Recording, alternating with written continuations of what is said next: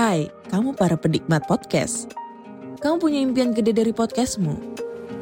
Terus First Story bisa banget bantu kamu. Mulai dari F-Link, Dynamic Audio Insertion, sampai statistik yang komprehensif. Semua ada di First Story. Gak ketinggalan kamu bisa monetisasi podcastmu lewat iklan dari First Story Ads yang bisa kasih kamu penghasilan dari setiap place podcastmu. Yuk gabung sekarang dengan klik di firststory.me.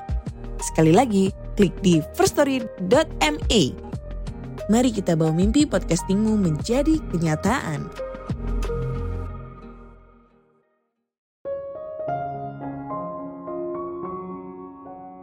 Apakah kamu merasa lebih baik dari orang lain?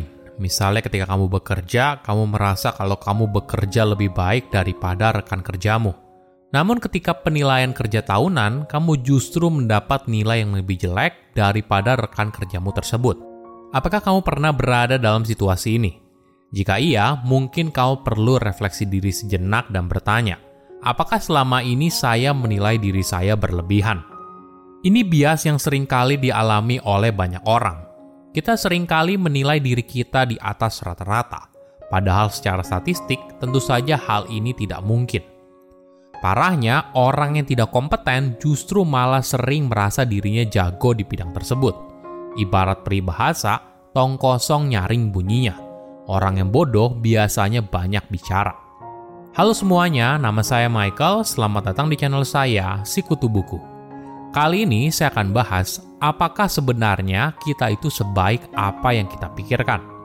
Ini merupakan rangkuman dari video TED Talk Robin Kramer yang berjudul Are You Really As Good at Something As You Think? dan diolah dari berbagai sumber. Saya ingin kamu memikirkan bagaimana kamu menilai diri kamu sendiri soal kemampuan mengemudi. Apakah kamu akan menilai dirimu di bawah rata-rata rata-rata atau bahkan mungkin di atas rata-rata. Menariknya, banyak orang justru menilai diri mereka di atas rata-rata, sesuatu yang mustahil menurut perhitungan matematika. Ini yang dikenal sebagai better than average effect, ilusi superioritas yang sering kali membuat seorang menilai dirinya secara berlebihan. Namun sebaliknya, ketika menghadapi sebuah tugas yang sulit, mayoritas orang cenderung merasa kalau dirinya lebih buruk daripada rata-rata. Ini yang menciptakan sebuah kontradiksi. Bagaimana bisa seorang yang merasa kalau dirinya berada di atas rata-rata, tapi seketika bisa kehilangan kepercayaan diri ketika menghadapi tugas yang sulit? Sebuah studi berusaha mendalami hal ini dengan meneliti para pelari dan bertanya soal ekspektasi mereka terhadap perlombaan lari yang menantang di masa depan. Estimasi awal para pelari lalu akan dibandingkan dengan hasil akhirnya. Hasilnya, pelari yang merasa kalau dirinya lebih baik daripada rata-rata biasanya didorong pada tingkat kepercayaan diri yang berlebihan. Mereka memprediksi kalau mereka bisa berlari lebih cepat dari apa yang mereka pikirkan. Sebaliknya, para pelari yang meremehkan kemampuan diri biasanya didorong karena ekspektasi mereka terhadap kompetitor. Dengan kata lain, mereka berasumsi kalau pelari lain bisa lebih cepat daripada mereka. Menariknya, pelari terburuk justru mereka yang terlalu percaya diri. Kepercayaan diri berlebih juga bisa mendorong kita melakukan perilaku berbahaya. Misalnya, kamu merasa kalau kamu adalah pengemudi yang jago. Jadi, kamu tidak takut untuk menyalip kendaraan, memacu kendaraan di atas batas kecepatan maksimal, mengambil bahu jalan saat macet, dan sebagainya. Perilaku ini sedikit banyak meningkatkan resiko kamu saat mengemudi, yang pada akhirnya bisa membuat potensi kecelakaan meningkat.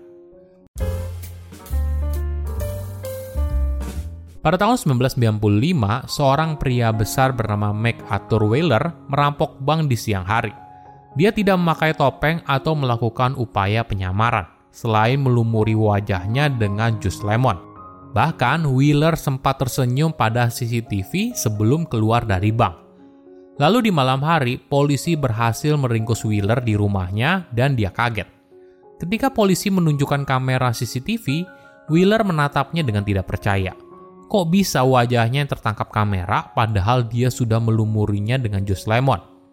Ternyata Wheeler percaya kalau melumuri wajahnya dengan jus lemon bisa membuat dia tidak terlihat oleh CCTV. Kenapa? Karena jus lemon bisa digunakan sebagai tinta tidak terlihat. Jadi selama dia tidak berdekatan dengan sumber panas, maka dia seharusnya tidak terlihat. Polisi lalu menyimpulkan kalau Wheeler tidak gila atau dalam pengaruh obat-obatan. Wheeler hanya salah kaprah saja. Peristiwa ini menangkap perhatian psikolog dari Universitas Cornell, David Dunning, dan Justin Kruger. Mereka beralasan, meskipun hampir setiap orang memiliki pandangan positif terhadap kemampuan mereka di berbagai bidang sosial dan intelektual, beberapa orang secara keliru menilai kemampuan mereka jauh lebih tinggi daripada yang sebenarnya. Ilusi kepercayaan diri ini sering disebut sebagai Dunning-Kruger effect dan menggambarkan bias kognitif yang meningkatkan penilaian diri. Kisah ini lalu mendorong dua peneliti tersebut untuk melakukan penelitian lanjutan dengan menguji logika, tata bahasa, dan selera humor para responden. Peneliti menemukan kalau mereka yang berada pada tingkat terbawah menilai keahlian mereka jauh di atas rata-rata. Misalnya, kamu yang nilainya D dalam pelajaran statistik tapi merasa kalau kamu ahli di bidang tersebut. Fenomena ini sering kali ditemui di sekolah, tempat kerja, dunia bisnis, dan sebagainya. Masalahnya adalah ketika orang tidak kompeten, mereka tidak hanya mengambil kesimpulan yang salah dan membuat kepilihan yang buruk, tapi juga kehilangan kemampuan untuk menyadari kesalahannya. Kepercayaan diri merupakan sesuatu yang didambakan oleh orang lain. Kita tentunya ingin berbisnis dengan seorang yang terlihat percaya diri dan ahli, kan? Efek ini tidak hanya dialami oleh orang yang tidak kompeten, bahkan bagi orang yang ahli sekalipun. Mereka bisa saja terjebak dalam efek ini. Banyak orang cerdas dengan salah meyakini kalau pengalaman mereka di bidang A bisa dengan mudah ditransfer ketika mengerjakan bidang B yang sama sekali tidak ada hubungannya. Tapi perlu disadari, kepercayaan diri berlebih tidak selamanya buruk, tergantung pada situasi dan kondisi. Banyak penemuan besar manusia muncul dari rasa kepercayaan diri yang berlebihan. Tapi begitu juga banyak kegagalan luar biasa terjadi karena ambisi yang terlalu besar. Namun orang yang kurang percaya diri mengalami kerugian yang paling besar. Karena hal ini bisa menghambat seorang untuk mencapai potensinya menjadi ahli dalam suatu bidang atau bahkan dari mencoba hal baru. Karena dia punya pandangan salah kalau banyak orang lebih baik dari dirinya, maka buat apa dia mencoba?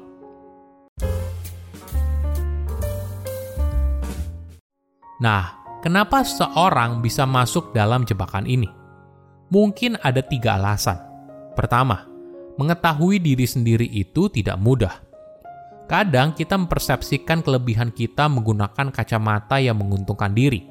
Misalnya, kalau kamu jago matematika, maka menurut kamu orang yang cerdas itu adalah orang yang jago matematika. Sama halnya jika kamu jago di bidang lain, maka kamu cenderung menggunakan parameter tersebut untuk menilai diri. Kedua, umpan balik yang akurat itu jarang ditemukan. Mayoritas orang mungkin menghindari memberikan umpan balik negatif. Ini yang terjadi ketika kamu diminta untuk mengisi survei.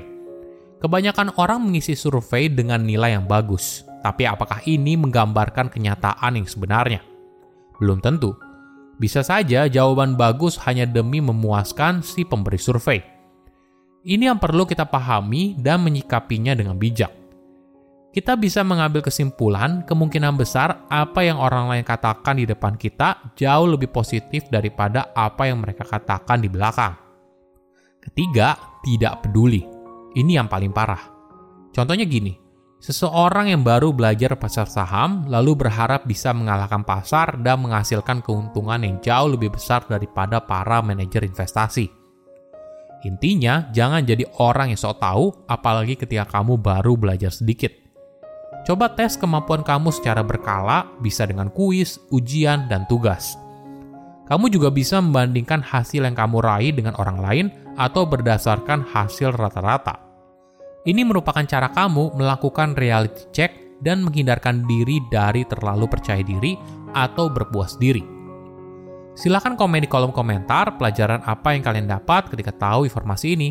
Selain itu, komen juga tahu informasi apa lagi yang saya review di video berikutnya. Saya undur diri, jangan lupa subscribe channel YouTube Sikutu Buku. Bye-bye.